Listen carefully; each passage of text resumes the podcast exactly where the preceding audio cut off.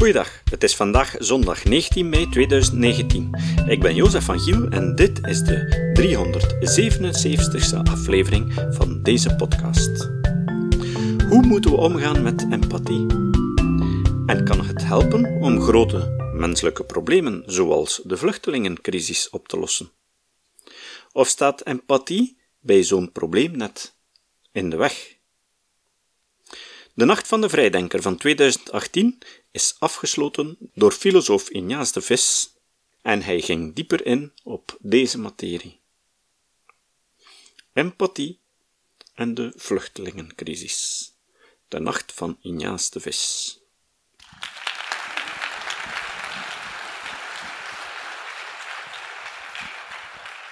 Dank u. Ik wou eigenlijk naar de rubriek Kampt u met zijnsvragen? Dat is nog bezig? Nee? Kampt u met zijnsvragen? Dat is eigenlijk iets waar ik zelf naartoe wil gaan, maar ik moet spreken, dus ik kan er niet naartoe. Ah ja, oké. Kunnen jullie nog een half uurtje wachten dan? Hè? Dat licht schijnt verschrikkelijk in mijn ogen. Ah, er is nog volk ook. Ik dacht iedereen eh, hangt in het foyer. Dank u wel voor de komst. Wacht, ik ga eerst drinken. Op dit eh, mooie uur om aan filosofie te doen, toch? Hè? Hoe probeer je zo'n verschrikkelijk complex thema als empathie op 40 minuten uit te leggen? Dat is in feite al veel te ambitieus. En ik heb dus mijn mislukking extra georganiseerd door dat ook nog eens te koppelen aan een nog complexer thema, uh, genaamd de vluchtelingencrisis. Dus mijn lezing is nu al mislukt, maar misschien moeten we er toch iets over vertellen. Want ik heb mij eigenlijk al sinds een aantal jaren voorgenomen om al die thema's waar ik over twijfel om iets over te zeggen, daar vooral over te spreken. En ik denk dat het thema van zowel empathie als de vluchtelingen thema's zijn waar we niet anders kunnen dan over te spreken. Want ik was helemaal niet van plan om een boek over empathie te schrijven. Het is als een soort van accident gebeurd. Ik was al met een ander boek bezig, maar een of andere ehm, vervelende man vond dat ik over empathie moest schrijven. En hij heeft nog gelijk gekregen ook. De urgentie van dat thema kwam mij naderhand wel heel erg dichtbij.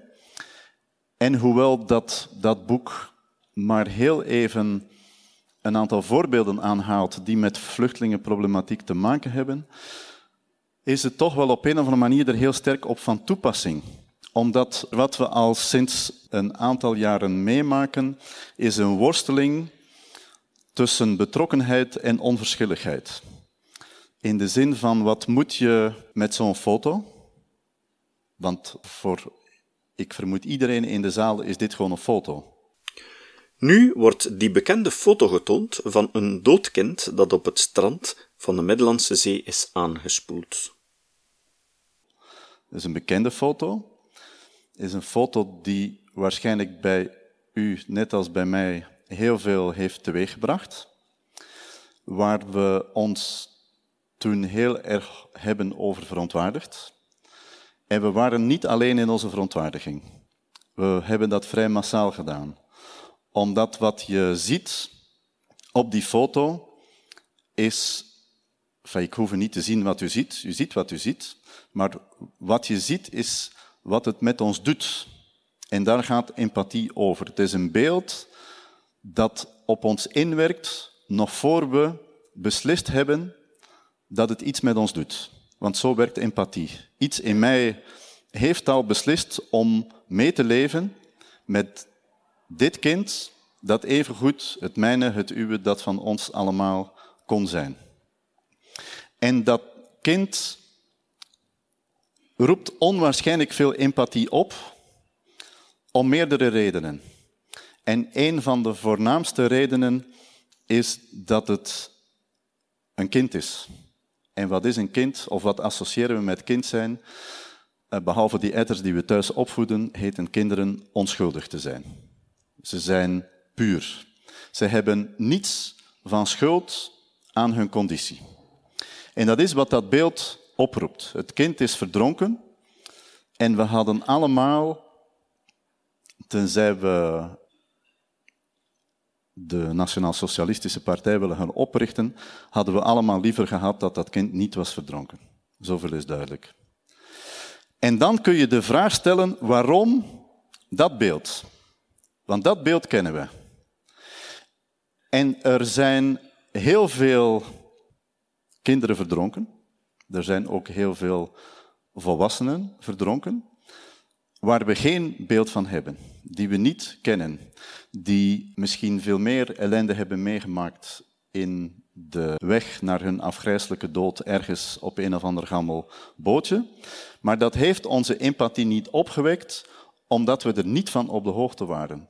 En het feit dat er geen beeld van is, is een heel belangrijk instrument, een soort van scheidingslijn, dat bepaalt wanneer we op ons empathisch vermogen worden aangesproken en wanneer niet.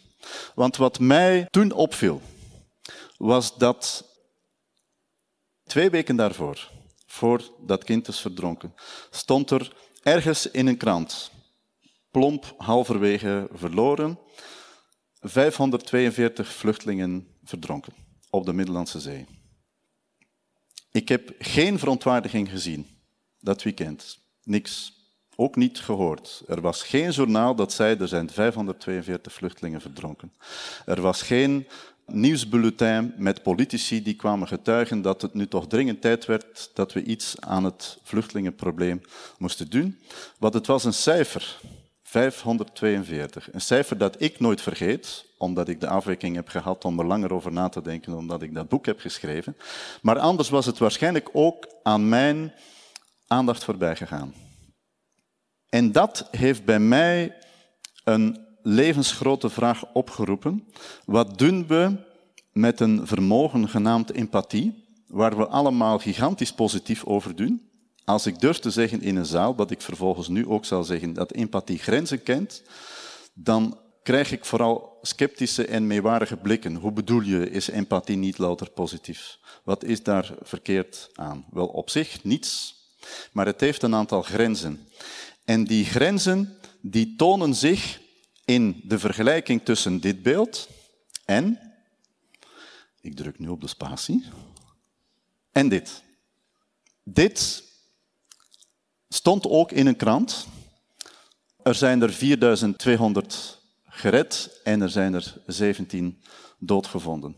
En dit is een willekeurig bericht. Dit kun je, voor zover media daar nog over berichten, want als we te veel over iets berichten, dan raken de lezers het beu en wordt het niet meer vermeld. Want we weten het in feite al. En het liefst van al weten we het dan niet meer. Want het, het veroorzaakt jeuk. Want je wil eigenlijk niet elke dag opstaan met het idee van ik heb geen enkele verhouding tot dit bericht. Want dit is een verschrikkelijk bericht. Dus stel je eens voor dat in deze zaal stelt dat ik een beetje optimistisch ben en we zijn met 4200, laten we ons een nulletje afdoen en het beantwoordt meer aan de verwachtingen, maar dat 10% ongeveer morgen ergens komt te overlijden en we vormen een gemeenschap, dan vinden we dat verschrikkelijk. Maar dit kunnen we ook verschrikkelijk vinden en horen we eigenlijk verschrikkelijk te vinden. En toch is er iets dat een cruciaal verschil maakt in de wijze waarop we daarmee omgaan. En dat heeft mij de vraag doen opwerpen, waarom, want dat heb ik in onwaarschijnlijk veel boeken gelezen, waarom wordt empathie steeds meer, alsof het het enige woord is dat nog telt, steeds meer als de oplossing voor alle sociale conflicten naar voren geschoven. Want boek na boek, nu 15 of 20 jaar lang, en niet eerder, dat is ook zeer opvallend. Ga 50 jaar terug en je hebt een vergrootglas nodig om het woord empathie te vinden. En beperk je tot de laatste twintig jaar en boek na boek hoor je hoe empathie toch zo belangrijk is. En nogmaals, ik spreek het niet tegen. Maar mijn vraag is, stel dat we die boeken volgen en al die pleidooien voor meer empathie volgen, wat doen we dan met al die berichten, met al die noden, met al die mensen die uit ons blikveld vallen? Want we hebben wel een beeld van Aylan Kurdi, een iconisch beeld ondertussen, maar Achter Aylan Kurdi staan er duizenden mensen die ook zijn verdronken waar we niet mee bezig zijn. En dus kun je de vraag stellen, moeten we dan empathie als alleenzalig middel gebruiken om inderdaad alle sociale problemen, waaronder deze van de vluchtelingen, op te lossen? Of hebben we veel meer nodig dan dat alleen? En het is met die lastige vraag waar ik aanvankelijk ook geen weg mee wist. En in feite nog altijd niet. Maar het is wel met die lastige vraag waarmee ik aan de slag ben gegaan. Wat doen mensen dan om onze empathie, ik ging bijna zeggen op te eisen, of minstens onze aandacht te vragen, als we wegkijken want er is heel veel om naar te kijken vandaag. Er is niet alleen Aylan Cordy, er, er gebeurt letterlijk onwaarschijnlijk veel ellende. Elke dag opnieuw. Dit schijnt een avond van het optimisme te zijn. Als ik deze beelden bekijk, dan heb ik niet spontaan die neiging. Dus er gebeurt ongelooflijk veel. En wat moet je dan doen als goede doelenorganisatie, genaamd NGO, om u en mijn aandacht te krijgen? Wel, dat is wat deze actie heeft geprobeerd op de meest ja, agressieve wijze. Letterlijk een één op één relatie te leggen tussen uw afwezigheid of de mijne van het geven van geld aan deze actie en het overlijden van mensen. Daar staat letterlijk onverschilligheid dood. Dus als jij nu niet geeft aan deze actie, dan heb jij de schuld van persoon X, Y of Z op je geweten. Maar dan is de hele vraag, gesteld dat dit werkt, zou kunnen. Dat je denkt, oh ja, inderdaad, onverschilligheid dood. Maar wat is de volgende stap? Want dit is al een zeer verregaande manier van een organisatie die toen al vrij wanhopig was over het feit, wij krijgen onvoldoende aandacht en de problemen zijn zeer groot. Want die zijn groot, die zijn massief. Maar als je dan alleen op een vermogen beroep doet, genaamd empathie, dan is maar zeer de vraag, moeten we alle problemen, en met name dat gigantisch complexe gegeven vluchtelingencrisis, wat we trouwens vandaag niet meemaken, we maken geen vluchtelingencrisis mee, we maken een oorlogscrisis mee. Syrië is een oorlogscrisis die we tien jaar hebben laten woekeren en een vluchtelingencrisis is het gevolg daarvan. Maar goed, gesteld dat we het vluchtelingencrisis noemen. Wat doen we daarmee met dat complexe probleem? Zou het dus volstaan mochten we allemaal een beetje meer empathisch zijn om dit probleem op te lossen. En gesteld dat we dit oplossen, wat doen we dan met de ingestorte brug in Genua, die overstroming in Bangladesh, die orkaan in weet ik veel waar, en zo verder. Dus van de meeste dingen waar we zouden kunnen empathisch over zijn, zijn we het niet. Niet dat we niet willen of onmensen zijn, maar het gaat ons te boven. Want dat is dat we ongeveer elke avond doen. We kijken naar het journaal en we zeggen, het is toch erg, hè? Het is erg. En ik wil daar niet eens cynisch over doen, want het is erg. Maar wat doen we daarna? We kijken verder en een kwartier later is er een of ander satirisch programma, dan is het om te lachen en dan lachen we ook mee, want zo werkt televisie. En het is erg en onze empathie wordt aangesproken, maar die leidt nergens naar. En dan was mijn hele vraag, wat doen we daarmee op maatschappelijk vlak? Want als je empathie zo naar voren gaat schuiven als zijnde, dit is wat we nodig hebben en dit alleen, dan denk ik, ja maar, heel interessant dat blikveld dat onze aandacht vraagt, maar wat doen we met al die zaken die buiten dat blikveld vragen? Wat doen we met die problemen waar onze empathie geen weg mee weet? Of waar onze empathie op wordt overbevraagd? Want misschien is dat wel het geval. Niet zozeer dat er iets fout is met empathie. Er zijn ook mensen die boeken schrijven tegen empathie. Heb ik niet gedaan. Maar eerder mij afgevraagd waar liggen de grenzen van empathie. Maar gesteld dat we daar een eind mee aan de slag kunnen, is dat de voldoende basis om alle sociale problemen op te lossen. Dat is in feite de hoofdvraag van mijn boek en waar ik een paar woorden wil met jullie over delen. Nu, dat had u misschien niet van mij verwacht, een formule, die formule staat daar ondanks mezelf. Ik ben niet zo geweldig bekwaam in formules, maar ik heb er toch eentje. En die formule legt volgens mij zeer goed uit wat het basismechanisme is van empathie. En wat staat hier? Hulp is ellende gedeeld door afstand. Want dat is het. Hulp is ellende gedeeld door afstand. Wat betekent dat? Ellende kan klein zijn en ellende kan groot zijn, of ergens tussenin. De afstand kan nabij zijn en de afstand kan heel ver af zijn. Nabijheid van afstand kan zowel betekenen fysiek, zoals wij hier. We kunnen, jullie kijken naar mij, ik kijk ook naar jullie tegen het licht in, maar we zien elkaar. Maar het kan ook betekenen emotionele afstand. die heel nabij kan zijn, die heel veraf kan zijn. Dat kind, Aylan Kurdi, niemand van ons heeft dat kind ooit ontmoet en toch hebben we ergens het gevoel betrokken te zijn op dat kind. Vanwege dat iconische beeld. Dus dat is dichte afstand. Nu, wat zegt de formule hulp is ellende gedeeld door afstand? De bereidheid om hulp te bieden, met andere woorden, de kracht waarmee ons empathisch vermogen wordt aangesproken, is sterker wanneer de afstand tot iets of iemand kleiner is. Zelfs al is de ellende niet groot. Dus als er iets met mijn kind gebeurt, relatief klein ook, weet ik veel, er valt een steen op de voet van mijn zoon, en tegelijkertijd is er inderdaad die overstroming in Bangladesh, waar op dat moment misschien een miljoen mensen op de dool zijn en een paar honderd zijn overleden. Wat doe ik dan in principe? Ik zou kunnen zeggen aan mijn zoon, weet je wat, lieve jongen, papa moet even naar Bangladesh, want daar zijn heel veel mensen verdronken en zo, dus wacht je even een weekje met je voet, ik kom wel terug en zo, dan help ik jou wel. Maar zet je neer, tenslotte, jouw ellende is verwaarloosbaar in vergelijking met die vluchtelingen daar, want dat zijn ze dan. Ik denk dat mijn zoon op dat moment mij de slechtst mogelijke vader van heel de wereld zou vinden, maar ik zou het waarschijnlijk ook zelf nooit doen. Ook al is de ellende van mijn zoon op dat moment relatief klein, dan nog zal ik eerst en vooral met hem bezig zijn, omdat de afstand tussen hem en mij zeer klein is. Dat is logisch. Denk iedereen die kinderen heeft, kent dat gevoel. Nu, dat kunnen we uitbreiden.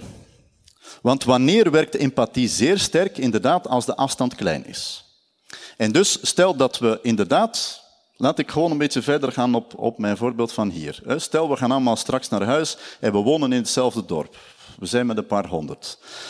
Overzichtelijk. Als er iets gebeurt met een van ons, zal er altijd wel iemand zijn die mij of jou of wie dan ook bijstaat. Want we kennen elkaar, we, we voelen, we leven mee. Onze empathie werkt. Want we zijn met niet veel. Maar stel dat we leven in een land genaamd België met 11 miljoen, waarvan u en ik ongeveer 98% van de bevolking niet kennen, of 90% maakt niet uit. Wat doen we daar dan mee?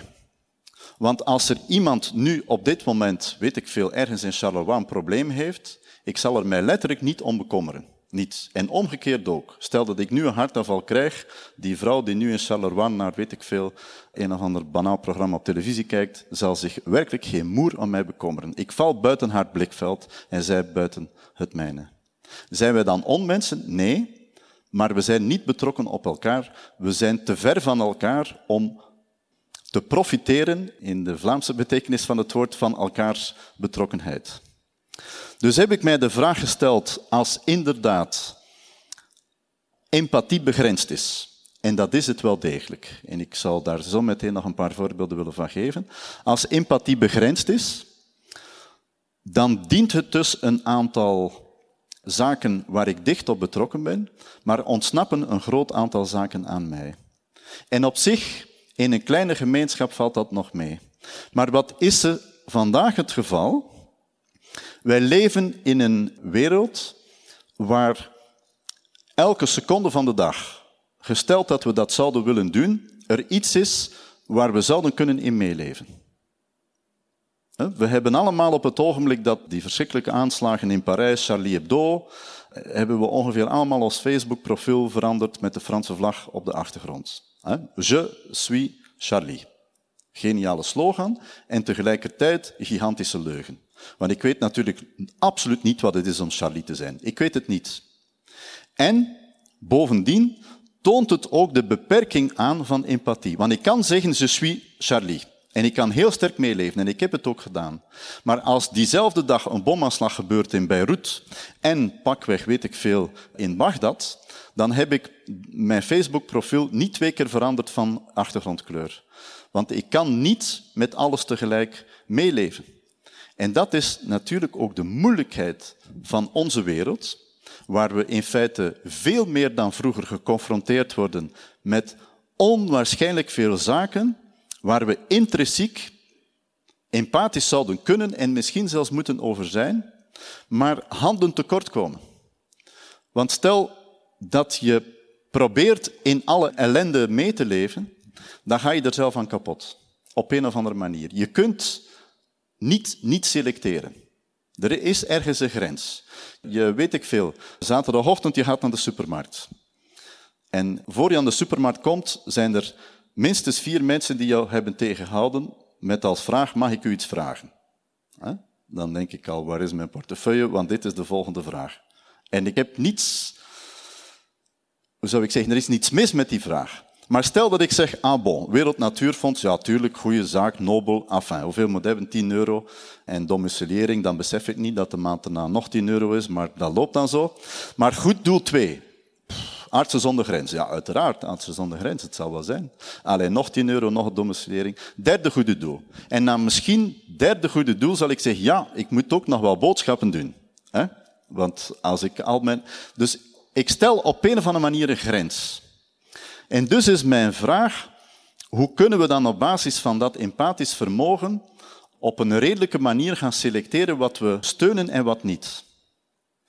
En als je daar nu eens probeert grondig over na te denken, hoe kun je nu uitmaken of goed doel 1 meer steun van mij verdient dan goed doel 2? Ik weet het niet. Ik raak er niet uit. En toch doen we het omwille van het feit dat we goed doel 1 misschien, weet ik veel, als eerste zijn door aangesproken. Of omdat we iets meer sympathie hebben voor goed doel 1 dan voor goed doel 2. Ik voel er mij beter bij. Voilà, zoiets. Maar goed, een maatschappij run je niet alleen op basis van giften aan goede doelen. Er zijn duizend en één zaken, vraagstukken, thema's, moeilijkheden, crisissen, vluchtelingencrisis. Die moeten worden opgelost. En dan blijft de hele vraag, wat doe je dan? Kun je dan inderdaad... Ik ben me nu aan het afvragen, zou ik nog een dia te kunnen terugkeren? Ja, voilà. Wat doe je dan inderdaad? Moet je dan doen zoals de Damian-actie en zeggen van ik grijp u steeds meer vast, maar hoe ver kan ik gaan in dat vastgrijpen? Want dit is al verregaand. Wat is de volgende? Iemand die mij bij mijn keel grijpt en zegt, weet je wel, als je nu niks geeft aan mij, dus hoe ver ga je daarin? Want dit is eigenlijk al een bewijs van onmacht. Dit wil eigenlijk zeggen, ik had uw aandacht willen krijgen, maar ik heb ze niet gekregen. En ik ben wanhopig en ik zal verder gaan in de hoop dat ik jouw gevoel meekrijg. En dus is de vraag, waarom werkt dit niet? Want dit heeft heel veel reactie gekregen. En waarom werkt iets anders wel? Want wat doen we straks weer over wat zeiden we, half november bijna, over een goede maand, warmste week, glazen huis, uh, noem maar op, dan gaat half Vlaanderen weer inspanningen leveren. En ook daar wil ik vooral niet cynisch over doen. Om bij te dragen aan een of ander goed doel dat door de warmste week is uitgekozen.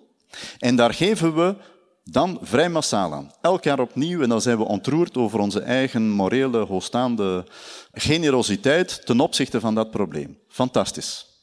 Maar wat doen we met die 99% aan goede doelen die niet het object zijn van een warmste week? Want daarna is de warmste week voorbij, is het geld op en doen we weer verder. En dus is de hele vraag, is empathie dan wel het middel om alles wat zich aandient, vluchtelingencrisis, wat dan ook, te benaderen op basis van het feit dat ik mij er betrokken moet op weten. En als ik het niet weet, als ik er niet betrokken op ben, het dus ook niet zal steunen. Dus die vragen zijn voor mij minstens de leidraad geweest in de vraag, hebben we niet iets anders nodig? Hoe kunnen we met die beperkingen waar empathie mee te maken heeft proberen leven en wat is er daarnaast allemaal nodig? Ik zou een hele avond kunnen vullen met het opsommen van een aantal beperkingen van empathie. Maar ik zal mij beperken en ik zal mij ook beperken in de beperking die ik al heb gemaakt en ik zal mij misschien focussen op dat eerste, wat we in feite al voor een stuk hebben gezien met dat beeld van Aylan Kurdi. En ik zal het nog heel even terughalen, pardon. Waarom werkt dit zo sterk op onze empathie? Omdat het inzoomt op één slachtoffer. Eén. En dan werkt het zeer sterk. Dat is wat men in het Engels zo mooi omschrijft als identifiable victim effect. Je hebt een aanwijsbaar slachtoffer En een aanwijsbaar slachtoffer werkt veel sterker in op ons dan een of andere grijze massa. Want die grijze massa, ik ga eens kijken, ik wou hier één citaat van een man meegeven waar ik niet goed mee bevriend ben. Maar bon, dit doet nu even niet ter zake. Maar Stalin had al bijzonder goed door, hij schrijft het hier ook in dat citaat, de dood van één enkele Russische soldaat is een tragedie, een miljoen doden is een statistiek. Dit is, behalve of bovenop een zeer kille uitspraak, ook een verdomd lastige stelling, waar we eigenlijk, als we er een beetje goed op noordenken, ook last van hebben. Want waarom was dat bericht van 542 verdronken vluchtelingen aan onze aandacht ontsnapt? Omdat het een cijfer is. Stel dat onze kranten hadden beslist om pagina 1 tot pagina 20 te vullen met 542 foto's van alle vluchtelingen die op dat moment waren gestorven, dan was het effect waarschijnlijk anders geweest. Omdat het in ons systeem binnenkomt, omdat het op ons netvlies gebrand staat. Maar dat deed het niet. En dan moet je inderdaad zeggen, één slachtoffer waar we heel erg kunnen op focussen, werkt veel sterker op ons in dan zomaar een cijfer. En wil dat dan zeggen dat wij ten opzichte van dat cijfer onmensen zijn? Totaal niet. Maar onze empathie werkt veel minder omdat het dan niet gaat om één slachtoffer, waar we, zoals dat tweede lijntje hier ook zegt, kunnen op inzoomen. Maar dan moeten we breed gaan kijken. En breed gaan kijken is een moeilijke combinatie met empathie. Want wat empathie doet, is een stuk bewustzijnsvernauwing. Je kijkt heel sterk naar één iets. Dat is ook de kracht ervan. Want ik zal voor mijn zoon zorgen op het moment dat die steen op zijn voet valt. En ik zal waarschijnlijk ook zorgen voor de zoon van mijn vriend, op wiens voet ook een steen is gevallen. Maar ik zal misschien niet meer zorgen voor de zoon van de vriend van mijn vriend, op wiens voet ook een steen is gevallen. Want dan denk ik, ja, maar ik ben geen stenen huilend meisje dat bij iedereen op wiens voet een steen valt, gaat meehuilen met die ellende. Ergens stellen we een grens.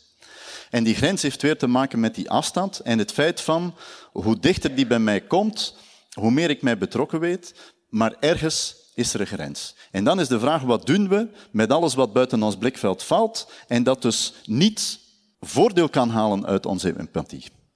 En daar zou ik nog voor een stukje willen op doorgaan. Dus wanneer werkt het vooral goed? Bij persoonlijk aangesproken voelen? Aan de afterparty is al bezig. Jullie zitten hier, dat is spijtig. Hè? Directe betrokkenheid. Ik ga nu nog een uurtje spreken, is het goed? Hè? Ehm, en vooral die selectiviteit. Want dat leidt, mocht je dat maatschappelijk als het mechanisme gaan hanteren, dan leidt dat tot een heel sterk selectief aanwenden van middelen. Ik heb hier één voorbeeld gegeven. Kom op eh, tegen kanker of kankeronderzoek versus schizofrenie. Waarom zijn we meer bereid om geld te geven voor het eerste en minder voor het tweede? Omdat we bij het eerste helaas altijd wel iemand kennen die ofwel kanker heeft gehad of iemand kennen die iemand kent. Dat komt heel dichtbij. En andere onderwerpen, zoals schizofrenie, misschien veel minder. Terwijl het misschien minstens evenveel aandacht verdient. Maar op basis van mijn empathie zal ik het niet doen. Want waar werkt empathie ook zeer goed op? En ik ga nog even de vorige dia erbij nemen. Op basis van mijn goed gevoel.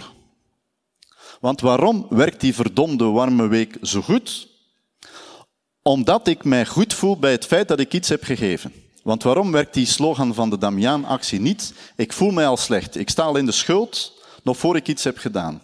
Bij de warmste week heb ik iets gegeven en ik kan trots zijn op het feit dat ik het gedaan heb. Dus het is veel gezelliger voor mezelf om trots te zijn op wat ik heb gedaan, dan te beseffen tekort te schieten bij wat ik niet heb gedaan. Dat is ongemakkelijk. Dat is ook de reden waarom social media zo goed werken. We kijken voortdurend naar filmpjes van andere mensen die tekort schieten. En dan zeggen we, ho, dat zou ik beter doen. Er ligt een man ergens bloedend in de metro en alles wordt gefilmd. En wat zie je dan? 50 mensen die er in heel wijde boog omheen gaan. En we zijn allemaal verontwaardigd over die 50 mensen die er in een wijde boog om over hem heen gaan. En mocht ik dan aan jullie vragen, wie zou er die man helpen? Wie? Dan zal iedereen, ongeveer iedereen, de hand opsteken. Want ja, ik ben geen onmens. Ik zou die man geholpen hebben. Maar waarom is er dan zo'n kloof tussen de realiteit en wat wij denken dat we zouden doen? Omwille van dat goed gevoel. En dat goed gevoel is fantastisch. Dat helpt ook heel veel mensen.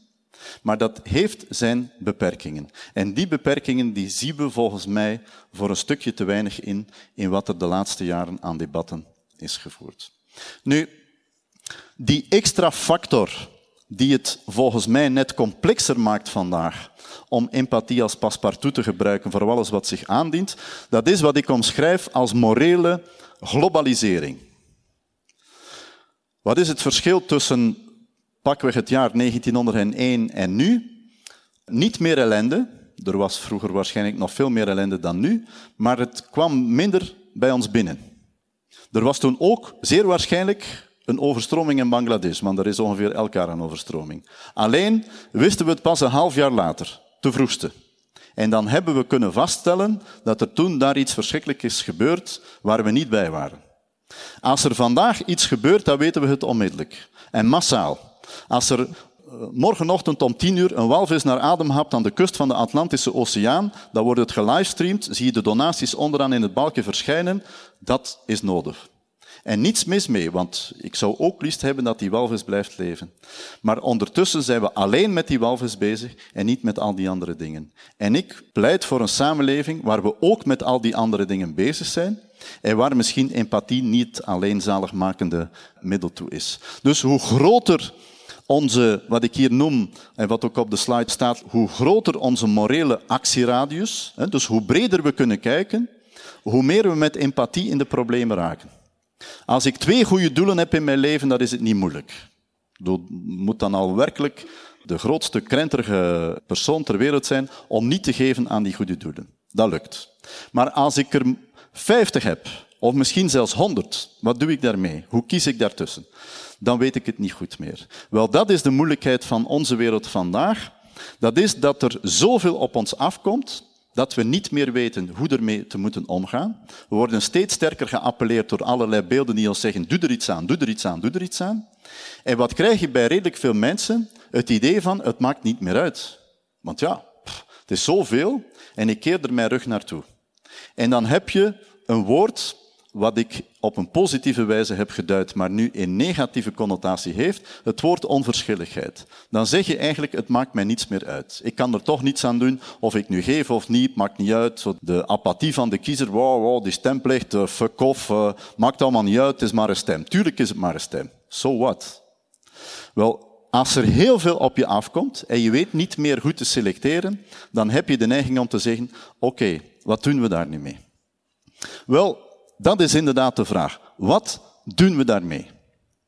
Want bij de meeste problemen waar we in onze maatschappij mee worstelen, hebben we meestal al een batterij aan antwoorden, nog voor we onszelf goed en wel de vraag hebben gesteld, wat is nu in feite het probleem? Dus ik pleit ervoor, samen met de afwijking genaamd filosofie, om langer stil te staan bij de vraag, wat is nu in feite het probleem? Waarom worstelen we daarmee? Waarom voeren we elke drie weken een debat over de vluchtelingen, zonder dat we nu eigenlijk het debat hebben gevoerd. Want nog voor het debat van start gaat, doet iedereen al hitsig en emotioneel en hebben we niet meer naar het probleem gekeken. Terwijl we het verdomme wel moeten doen, want het is een gigantisch probleem. En die complexe problemen, en de vluchtelingencrisis is er maar één van, die complexe problemen, dat heb ik geprobeerd om ergens vanuit een ander platform die problemen het hoofd te bieden. En ik heb het dan aangedurfd om toch dat woordje onverschilligheid te gebruiken. Maar met een adjectief ervoor, namelijk werkbaar onverschillig. En ik zou tot slot van mijn bijdrage nog proberen om uit te leggen wat ik daar precies mee bedoel. Want er zijn ook mensen die spontaan kwaad worden op mij als ik dat woord gebruik. Dus u mag nu ook kwaad worden of zo, of tomaten beginnen gooien, weet ik veel wat. Maar onverschilligheid klinkt negatief. Als ze u zeggen, ja, je bent onverschillig, dan is dat geen compliment. Maar stel dat ze zegt, goh, je bent toch zo empathisch, dan denk ik, ah, ik ben empathisch.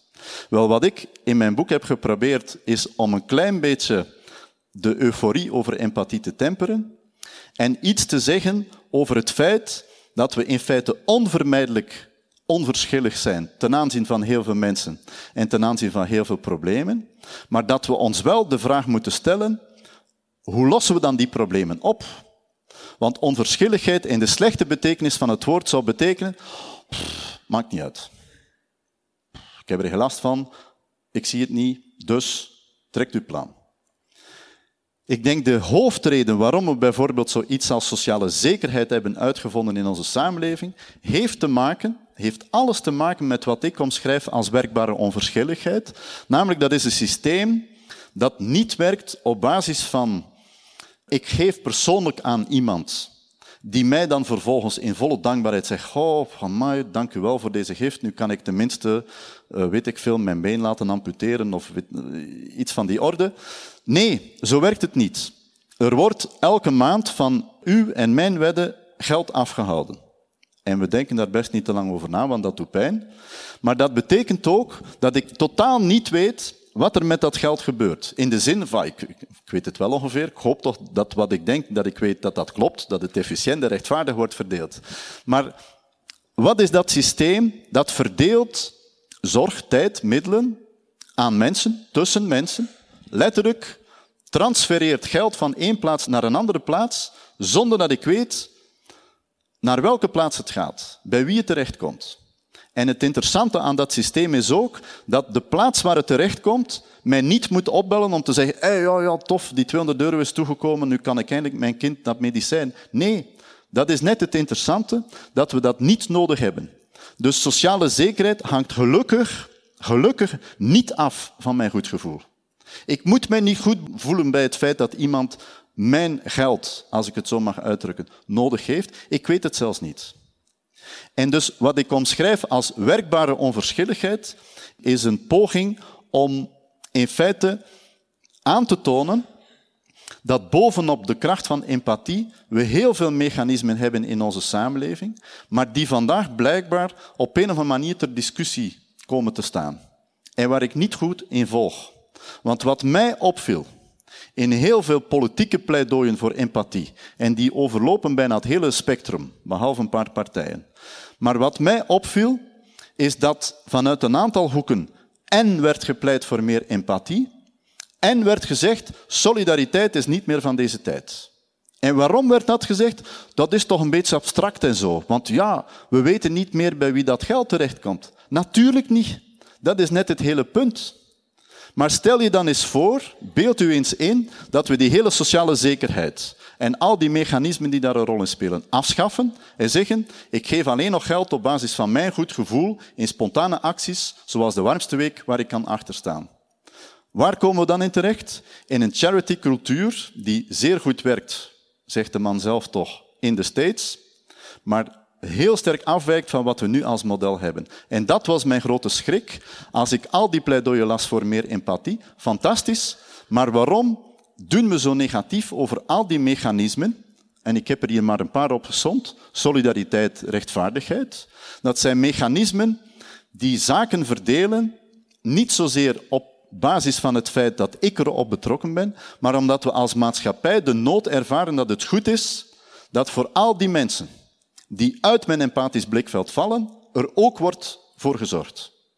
En dat is wat die mechanismen doen. En hoe doen ze dat? Op basis van onverschilligheid. En ik weet het, dat is een lastig woord. En ik heb daar lang zitten op zoek. Onverschilligheid, onpersoonlijkheid, niet-betrokkenheid. Ik heb er geen zinnig woord voor gevonden. Dus, ondanks alles, onverschilligheid. In termen van niet persoonlijk betrokken.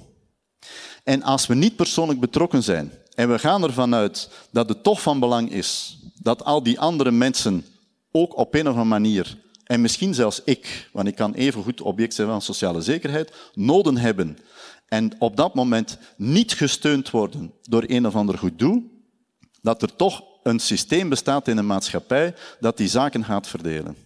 Maar ik wil nog iets zeggen, namelijk dat de hele kracht van empathie, of je die nu gaat toepassen op vluchtelingenproblemen of andere, dat is dat die kracht sterk kan zijn op basis van die mensen of die thema's waar ik mij op betrokken weet, maar dat de complexiteit van problemen, zoals dat van vluchtelingen, in verregaande mate mijn en uw empathisch vermogen overstijgt. En dat we dus misschien niet de discussies moeten voeren over het feit, voel ik mij daar goed bij, maar dat we ons de vraag kunnen stellen, wat hebben wij aan maatschappelijke kaders gecreëerd vanaf het Verdrag voor de Rechten van de Mens tot op vandaag, waarbij we onszelf de opgave hebben gesteld en misschien wel de plicht hebben gegeven om er toch voor te zorgen, los van het feit dat we daar eventueel persoonlijk bij betrokken zijn. En dus was mijn grote verwondering dat hoe meer ik over empathie las, hoe meer het leek alsof alleen meer persoonlijke betrokkenheid de wereld zou redden. Meer persoonlijke betrokkenheid kan bijzonder zinvol en bijzonder steunend zijn, maar als je nadenkt over dergelijke complexe vraagstukken, dan schiet empathie tekort. Dank u wel. De Amerikaanse psycholoog Paul Bloom schreef het boek Against Empathy, waarnaar Ignaz de Vis verwijst. Ben je nog meer geïnteresseerd in dit onderwerp?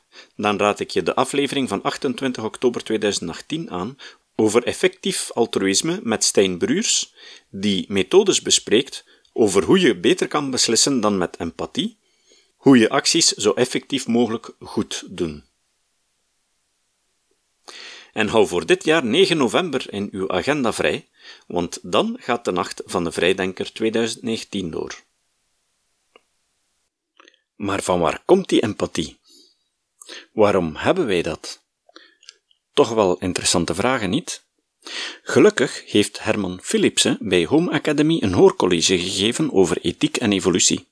En als luisteraar van deze podcast kan je dit hoorcollege, of gelijk welk ander hoorcollege van Home Academy, nu een maand lang gratis beluisteren, waar en wanneer je wilt, als lid van de Home Academy Club. Alles wat je moet doen, is naar hun website gaan. home-academy.nl Klikken op clublid worden en kiezen voor de optie clublid met code en vul daar dan de volgende code in. KD 2019. Goed onthouden, want die vind je niet terug op de website. KD 2019. De rest van de uitleg wel. Het tijdelijk lidmaatschap is zonder enige verplichting. Je hoeft geen creditcardnummer of zo achter te laten. En het is nog niet gedaan. Zoals jullie ondertussen weten, zijn twee SCEP-leden, Patrick Vermeeren en Bart van de Ven, gedagvaard omdat ze de praktijken van een bedrijfscoach op de korrel namen. Alhoewel ze deze zaak bijna zeker zullen winnen, lopen de advocaatkosten al gauw in de tientallen duizenden euro's op. Dat is ook de strategie van de eiser. Het gaat hem er niet over om te winnen, maar wel om de auteurs op kosten te jagen en hen zo schrik aan te jagen. Daarom heeft SCEP een fundraising gestart, zodat de sceptische gemeenschap hen kan helpen en zo onze vrije meningsuiting gevrijwaard kan worden. Op de notitiepagina van deze aflevering kunnen jullie een link vinden naar die fundraising.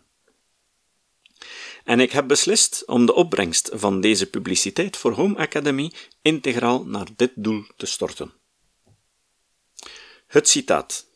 Het citaat van vandaag komt uit het boek Feitenkennis van Hans Rosling. Hans Rosling zei: Wanneer een probleem urgent lijkt, is het eerste wat je moet doen niet alarm slaan, maar data ordenen. Tot de volgende keer. Dit was de podcast Kritisch Denken. Vergeet niet om alles kritisch te behandelen, ook deze podcast. Voor verdere informatie over deze podcast, links en voor de tekst, surf naar www.kritischdenken.info. Als je deze podcast belangrijk vindt, kun je me steunen door anderen warm te maken ook eens te luisteren. Stuur een e-mail naar vrienden met een link naar de website en plaats de link in de handtekening van je e-mails. Tevens kun je op iTunes deze podcast een beoordeling geven of een recensie schrijven. Of je kan op je eigen website of blog een link naar kritisch denken plaatsen.